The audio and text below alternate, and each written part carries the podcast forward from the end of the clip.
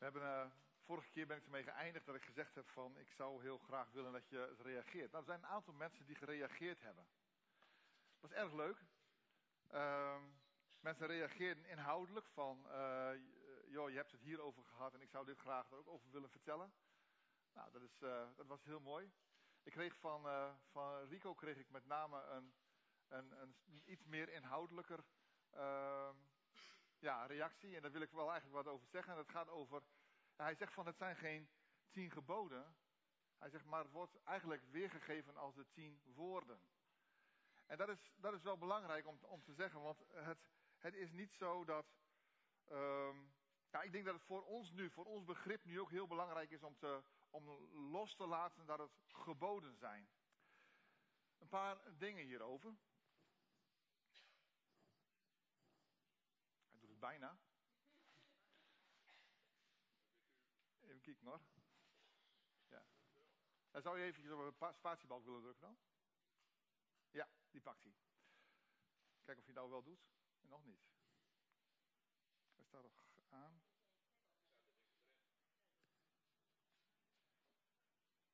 Ja, hij doet het. Oké. Het zijn de wet, de tien geboden of de tien woorden. Dat is uh, wat eventjes uh, wezenlijk is om aan te geven. De tien geboden, dat zijn eigenlijk de, de tien woorden van God die hij gegeven heeft toen hij het verbond sloot met het volk Israël.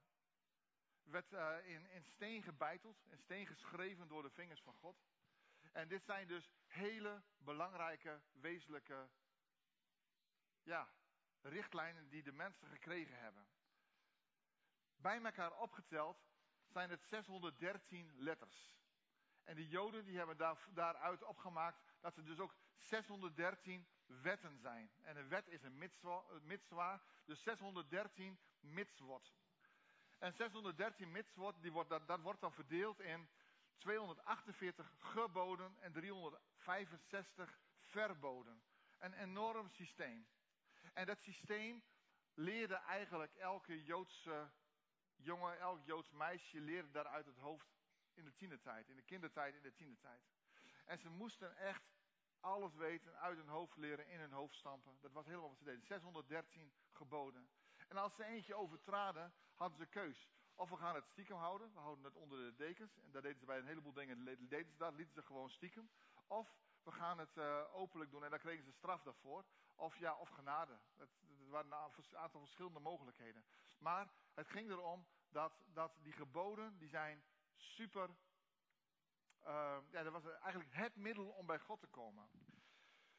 Nou, nu is het zo dat wij de Bijbel gekregen hebben. En God laat zichzelf daarin in zien. En een van de dingen die. Een beeld wat God ook geeft, het gaat over schone kleren. Dat lezen we in het Bijbelboek uh, uit mijn hoofd gezegd uit Zacharia. Eh, en daar wordt gesproken over de hoge priester die schone kleren aankrijgt. En moet je jezelf eens voorstellen. Je hebt een heel mooi wit bloesje. En dat witte bloesje, die heb je aan terwijl je, nou laten we zeggen, tomatensoep eet. Met gehaktballetjes. En er valt er één zo'n gehaktballetje, die valt van je lepel in de soep. En twee kleine druppeltjes komen op je witte blouse. Nou, dan trek ik een schone blouse aan. Ik heb van Jiska geleerd, ik moet niet met kleine, kleine vlekjes, is ook vies, dus hij is gewoon vies.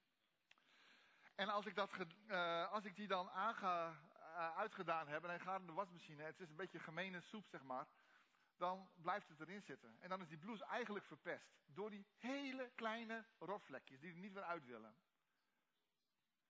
En zo kun je ook eigenlijk aangeven, zo werkt het met zonde.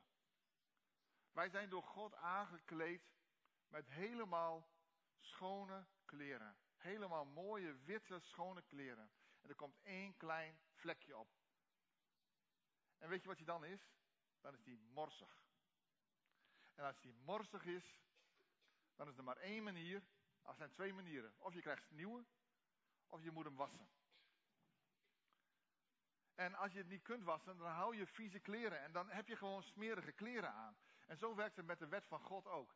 Als jij, maakt niet uit wanneer en waar tegen, als jij tegen één gebod zondigt, dan ben je vies en je wordt niet vanzelf weer schoon. Dat heb ik ook van Jiska geleerd. Ik heb altijd het idee van mijn kleren worden vanzelf weer schoon.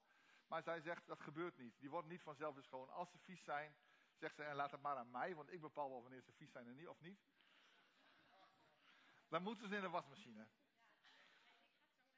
Ja, die mag zo ook wat zeggen. Ja. Ehm, geboden en verboden.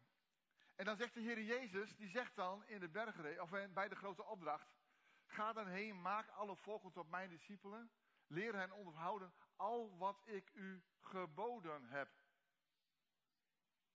Maar wat is het dan wat de Heer Jezus ons geboden heeft?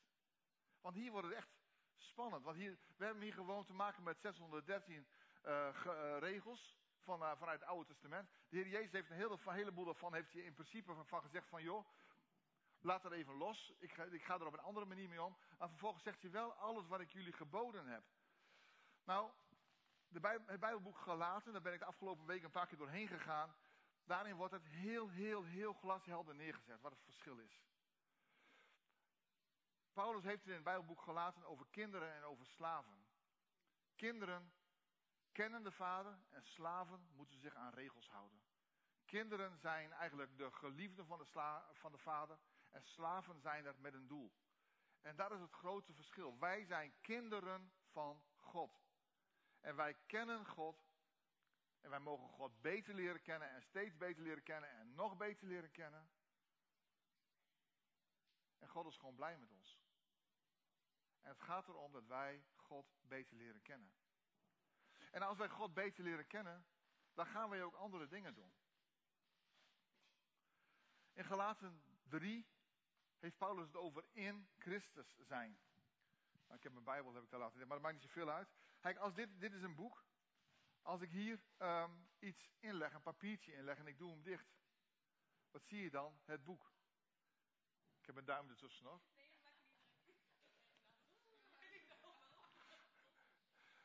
Dan zie je het boek. En wat ik hier heb is ook echt het boek. En zo is het ook met de Heer Jezus. Als wij in Jezus zijn, dan ziet God door ons, ziet hij Jezus aan. Ziet hij Jezus.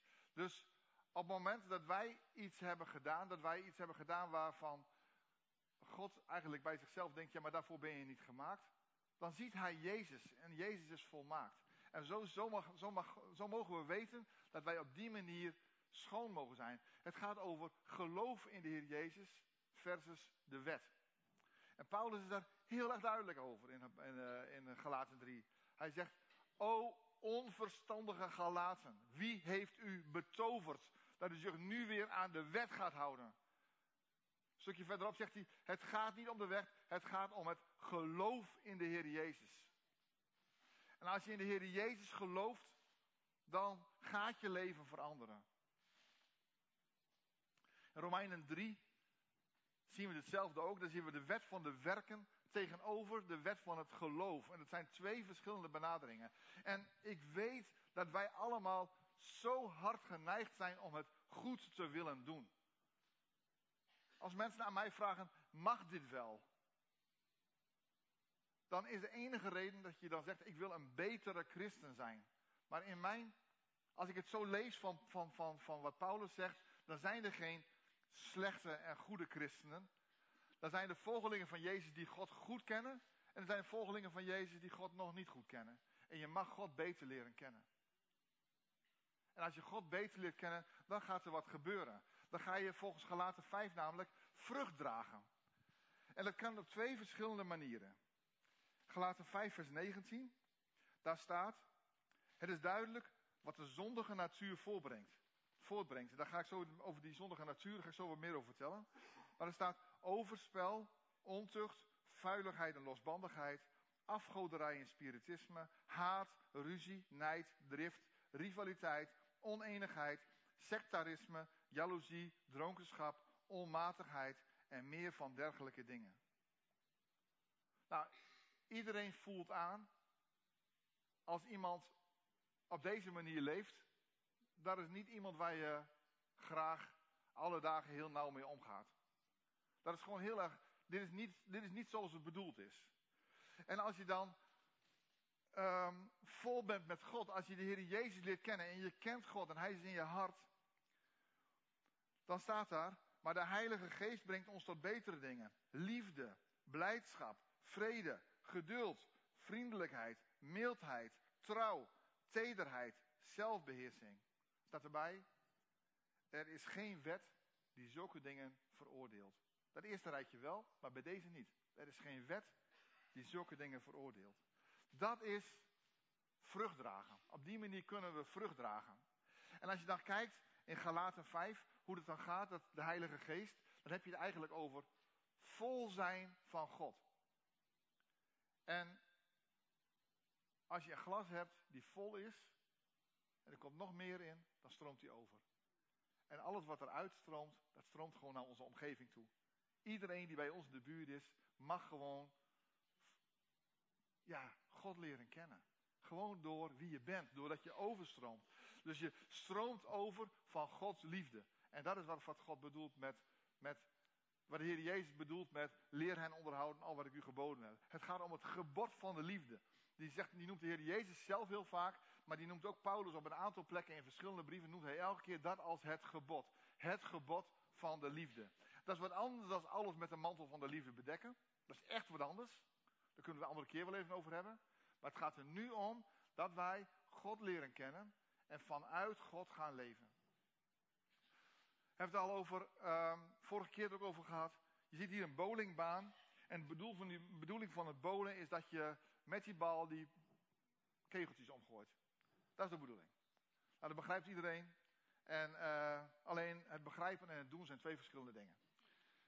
Um, vaak gaat de bal in het gootje. En wat gebeurt er als de bal in het gootje gaat? Dan rolt hij terug en dan krijg je hem nog een keer en dan mag je nog een keer. En zo is het ook met het volgen van de Heer Jezus. De bal gaat wel eens in het gootje. Het gaat wel eens fout. Maar dan krijg je een nieuwe bal en dan mag je het nog een keer doen. En je mag het leren.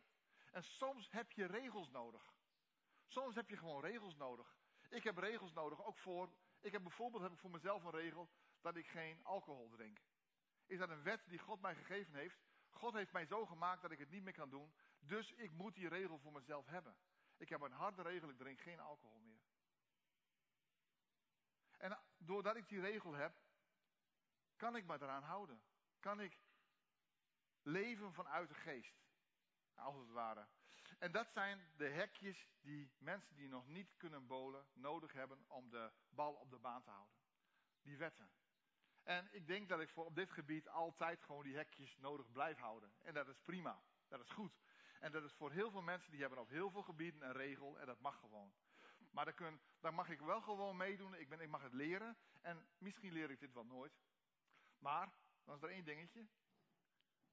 Als ik in de hemel kom, zal de Heer met mij de wijn nieuw drinken. Ik heb er nu al zin in. De vorige keren hebben we het gehad over. eerste was God op de eerste plaats. De tweede was God is belangrijker dan spullen. De derde is let op je taalgebruik. En de vierde is neem je rust. Zie je altijd? Het zijn echt maar twee keer twee. Dus dit is de derde. Nu geef ik het woord aan Jiska. Ja. Ik mag verder gaan met de vijfde. Het vijfde woord van God. Of het vijfde gebod. Dat is maar net hoe je het neerzet. Eer uw vader en uw moeder, opdat uw dagen verlengd worden in het land dat de Heere uw God u geven zal. Het vijfde gebod. En dat is het eerste gebod van God waar hij een belofte aan heeft gekoppeld. Dat staat in het Oude Testament. En in Efeze, er wordt dat vijfde gebod nog eens een keer herhaald. En er wordt nog een schepje bovenop gedaan. Want luister maar eens, het eerste gedeelte van Efeze 6 is kinderen, wees je ouders gehoorzaam in de Here. Want dat is juist. Eer je vader en je moeder. Dat is het eerste gebod met een belofte. Opdat het je goed gaat en je lang mag leven. En vaders, wek geen toorn op bij uw kinderen, maar voed hen op in de onderwijzing en de terechtwijzing van de Heer. Dat staat dus in het Nieuwe Testament. Oké, we gaan eens even kijken wat hier nou precies staat. Eren. Wat wordt daar precies mee bedoeld? Je ouders eren. Je ouders eren, het andere woord voor eren is erkennen. Dus je erkent dat zij je ouders zijn en je geeft ze de plek die hun toekomt, die hun gegeven is in feite door God zelf. Want God geeft kinderen aan ouders. God geeft kinderen aan ouders, zodat ouders hun kinderen kunnen schenken wat ze nodig hebben naar lichaam, ziel en geest. En God die verlangt ervan dat ouders hun kinderen opvoeden in de vrezen van de Heer. Dus dat ze vertellen aan de kinderen wie God is, wat Hij wil, wat zijn verlangen is, wat zijn woord is. Dat is de taak die ouders hebben gekregen van God zelf. En ik kan je zeggen, het is ontzettend belangrijk dat kinderen leren wat gezag is. Dat kinderen leren gezag te hebben voor hun eigen ouders. Dat kinderen leren gezag te hebben voor God. Maar ook voor leraren en ehm, ja, mensen die van de overheid boven hen gesteld zijn. Want een samenleving zonder gezag, zonder mensen die weten wat gezag is, die gaat ten onder, die gaat stuk. Ja, en dan kan je wel zeggen, ja, heel leuk Jiska, dat je daar zit te vertellen dat ik mijn ouders moet eren. Maar ja, daar ben ik vroeger mee doodgegooid. Dat kregen we altijd te horen thuis. Je mag dit niet, je mag dat niet. En je moet zus en je moet zo. Want dat is de wil van de Heer. En uh, ik had het net over vaders wekt de toorn niet op van de kinderen. Nou, um, dat stukje werd bij ons even overgeslagen. Ja, je lacht erom. Maar dat stuk wordt vaak overgeslagen. En dat brengt schade.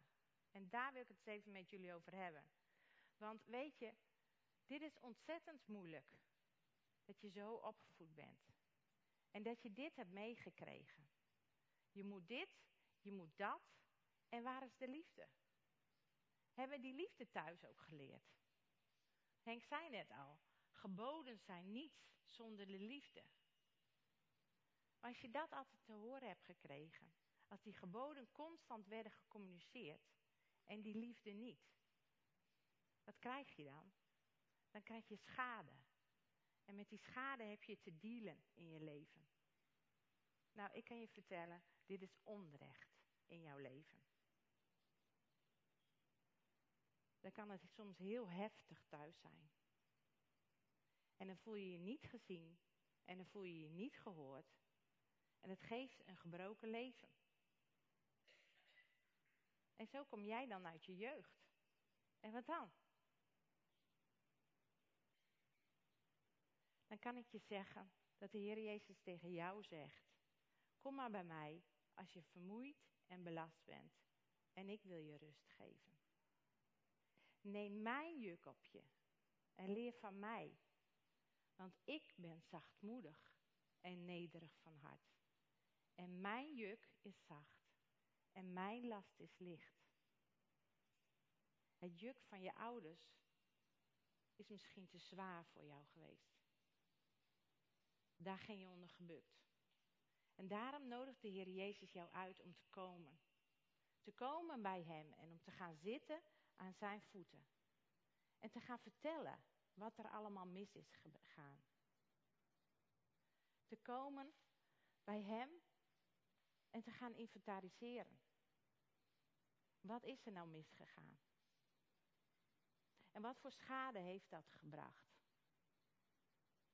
En dat is een weg die mag gaan. Het is een weg waar je voor mag kiezen. Het is een weg van vergeven. Maar dat vergeven, dat moet je niet te snel doen. Ga eerst jezelf erkenning geven. Ja, wat ik heb meegemaakt, dat klopte niet. Dat had nooit mogen gaan gebeuren. Geef jezelf erkenning daarvoor. En zie het als een feit dat jij schade hebt opgelopen in jouw leven. En ga dan voor jezelf inventariseren. Hoe ziet die schade eruit? En hoe ver reikt die? Wat is het? Breng het in kaart. Schrijf het op. Vertel het aan de Heer Jezus. Zoek een therapeut of zoek een pastoraal werker. En ga vertellen hoe stom het allemaal niet was. En hoe moeilijk. En hoe zwaar. Vertel het. Kom ermee voor de dag. huil bij de Heer Jezus.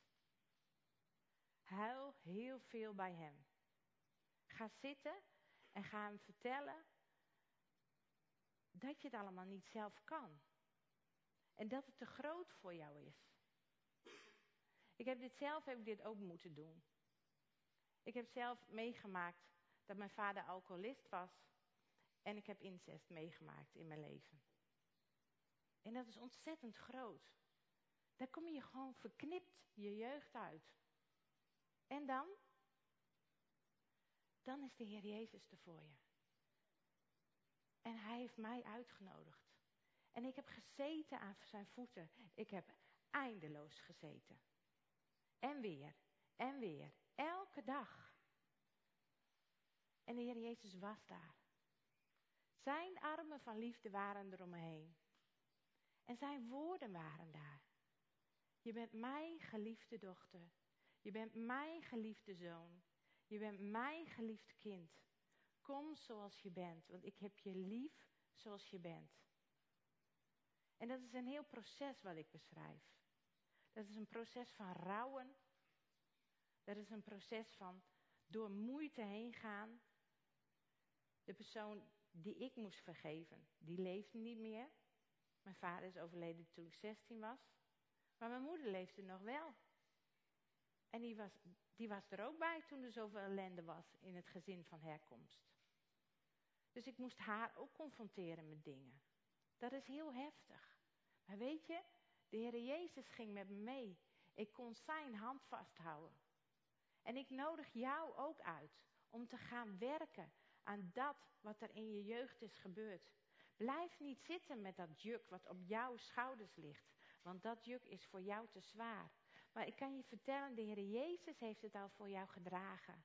En hij zegt, kom maar, geef mij dat juk maar. En we wisselen het in voor het juk wat ik voor jou heb. Ik wil jou genezen. Ik wil jou helen. En dan, als je door dat hele proces heen gaat, dan kun je komen bij vergeven. Maar daar moet je echt de tijd voor nemen. En vergeven, ik kan je echt zeggen, vergeven, dat maakt je beter. Vergeven maakt je heel. En niet vergeven maakt je bitter. Niet vergeven zorgt dat je boos blijft. Zorg dat je, dat je in, in die uh, wrok blijft zitten. En zegt van je moest eens weten. Je moest eens weten hoe gemeen het was. Maar weet je, met gebalde vuisten kun je niks ontvangen van de Heer Jezus. En Hij wil jou geven rust. Hij wil jou geven genezing. Hij wil jou geven kracht en moed, zodat je het leven weer aan kan. Dat betekent dat je je handen moet openen. Open je handen naar de hemel. En zeg, Heer, ik kan het zelf niet. Ik kan zelf ook niet vergeven. Heer, kom mij tegemoet. Doet u het in mij. Schenkt u mij die vergeving. Zodat ik het door kan geven aan de ander. En weet je, God is zo trouw. Hij doet het. En hoe erg het ook is. Hoe groot de, dat kwaad wat jou aangedaan ook is. De Heer Jezus kan het. Hij kan je genezen, hij kan je helen en ik ben hier het levende bewijs van. Want ik kan je echt zeggen, als ik nu weer een foto zie van mijn vader, dan vind ik het zo jammer dat hij niet meer leeft. En als hij daar lachend op de foto staat, dan vind ik dat zo leuk om te zien.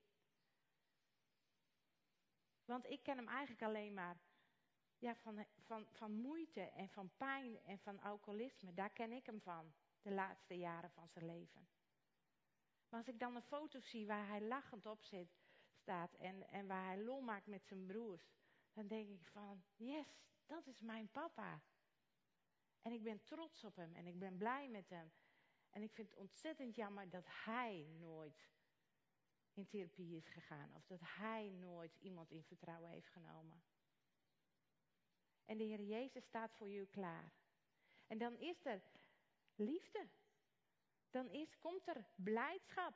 En er komt er vrede en vreugde in je leven. In plaats van boos blijven. In plaats van uh, de haat. Want ik kan je vertellen, als je boos blijft, dan gaat dat in je ziel zitten. En dan schiet het wortel. En als je boos blijft, dan word je bitter. Dus mensen, word niet bitter, maar beter. En met de Heer Jezus kan dat. Ik heb je wel gespaard, hè? Ja.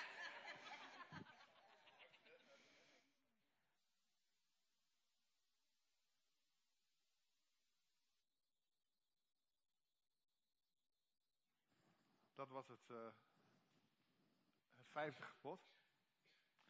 Nu nog het zesde. U zult niet doodslaan. Een heel kort zinnetje.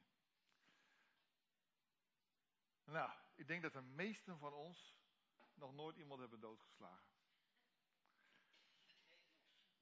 Ja, ja. ongedierte. Oké. Maar goed, u zult niet doodslaan.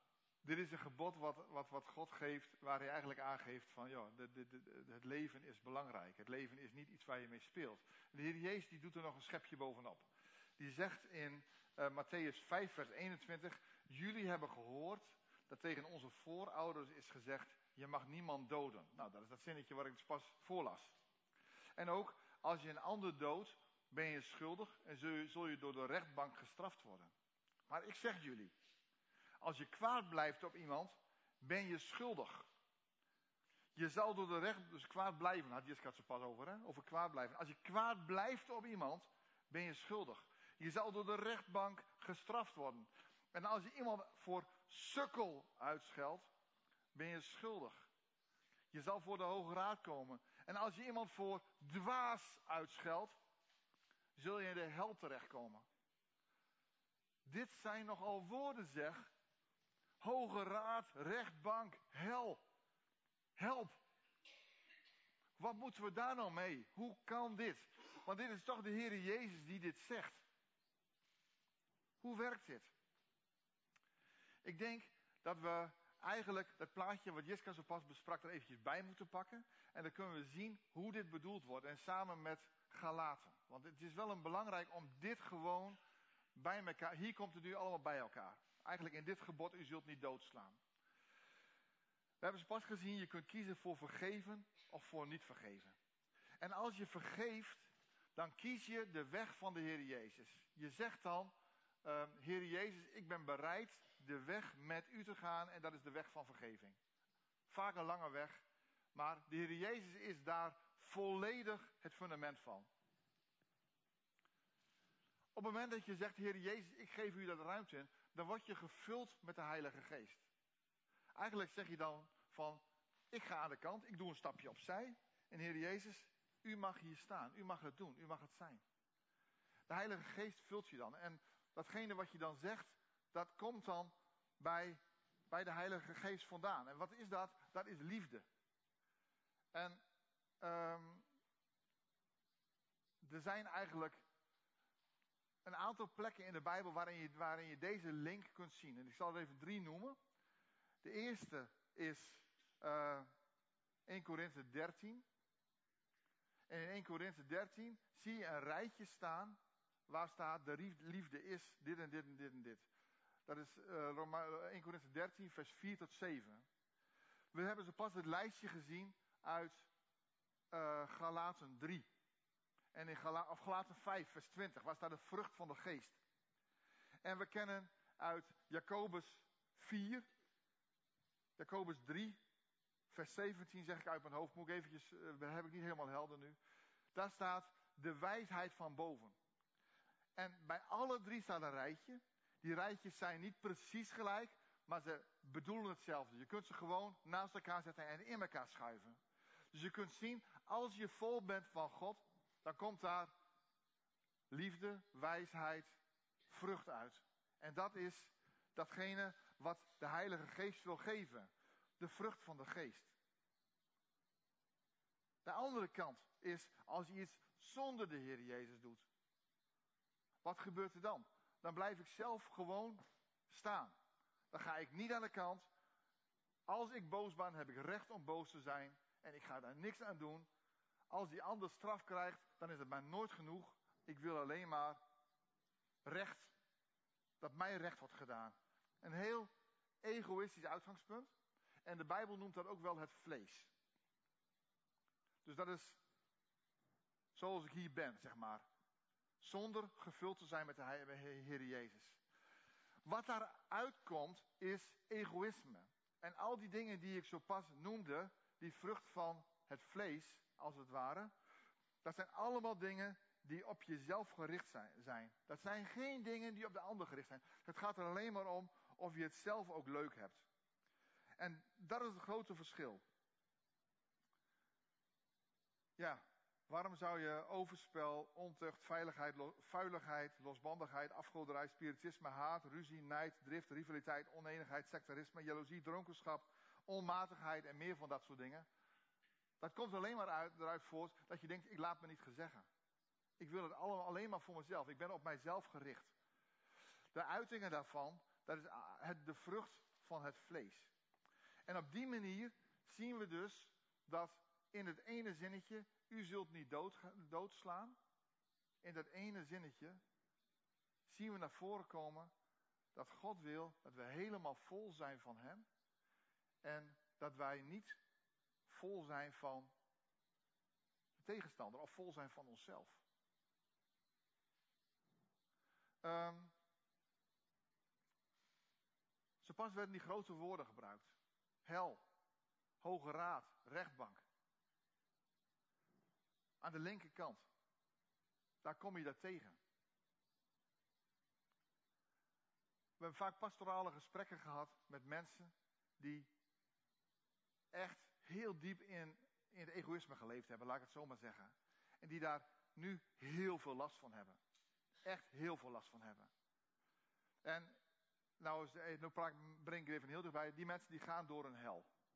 Maar ik geloof ook dat op het moment dat je zonder God wilt leven, dat je ervoor kiest om die weg zonder God te gaan, dat God uiteindelijk dan ook tegen je zegt van, dan moet je het zelf ook maar weten. Als jij niet met mij wilt, dan wil ik niet met jou. En leven zonder God, dat is de hel. Dat is echt de hel. Voor eeuwig. Zo pas zagen we die dingen aan de rechterkant. Die liefde, de Heilige Geest, de Heer Jezus. Dat is, um, daar staat stond achter, tegen zulke dingen is geen wet. Nee, dat is ook niet nodig, want dat is alleen maar goed. Maar het is gericht op de ander, dat is gevuld vanuit de liefde van God, van de Heilige Geest. Dus dit is het zesde gebod. U zult niet doodslaan. Nu hebben we die twee stenen tafelen weer. God op de eerste plaats. God is belangrijker dan spullen. Neem je rust. Let op je taalgebruik. En er komt er eentje bij.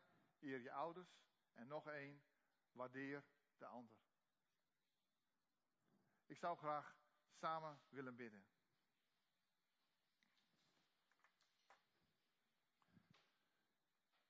Heere God. Mogen weten dat u het goede voor ons wilt. En u wijst ons de weg naar het goede, Heere God, door u te leren kennen en die dingen te doen waarvoor u ons gemaakt hebt. En daar komen we op de goede plek uit. En daarvoor bedanken we u, Heere God. We bedanken u dat u ons geen dingen oplegt om ons te klieren of dingen die te zwaar zijn. We mogen weten, Heer, dat we door uw Zoon Jezus Christus volledig schoon zijn. Dat er geen vlek meer op ons zit. Maar Heere God, u wijst ons weg en we mogen u beter leren kennen. En help ons om u beter te leren kennen. Dank u wel, Heere God, dat u ouders gegeven hebt. En als het niet goed gaat tussen ons en onze ouders, help ons dan, Heere God, om ook hierin uw weg te gaan. En wat dat betreft ook de verantwoordelijkheid te nemen die we hebben. Wijst u ons die weg. En als die weg lang is, geef ons een moed, Heere God, om die weg te gaan, stapje voor stapje. Heer, we brengen bij u als wij moeite hebben met mensen. Als we ze uit zouden willen schelden, of misschien daadwerkelijk uitschelden. Laat ons helemaal vol zijn van uw liefde, Heere God. Help ons de weg van vergeving te gaan. Laat het zo zijn dat uw Zoon Jezus ons fundament is. Heere God, en iedereen die hier nu zit, die die keuze nog niet gemaakt heeft, die mag die keuze maken om u te volgen. En ik bid u, Heer, help hen. Geef hen de moed om dat nu te doen.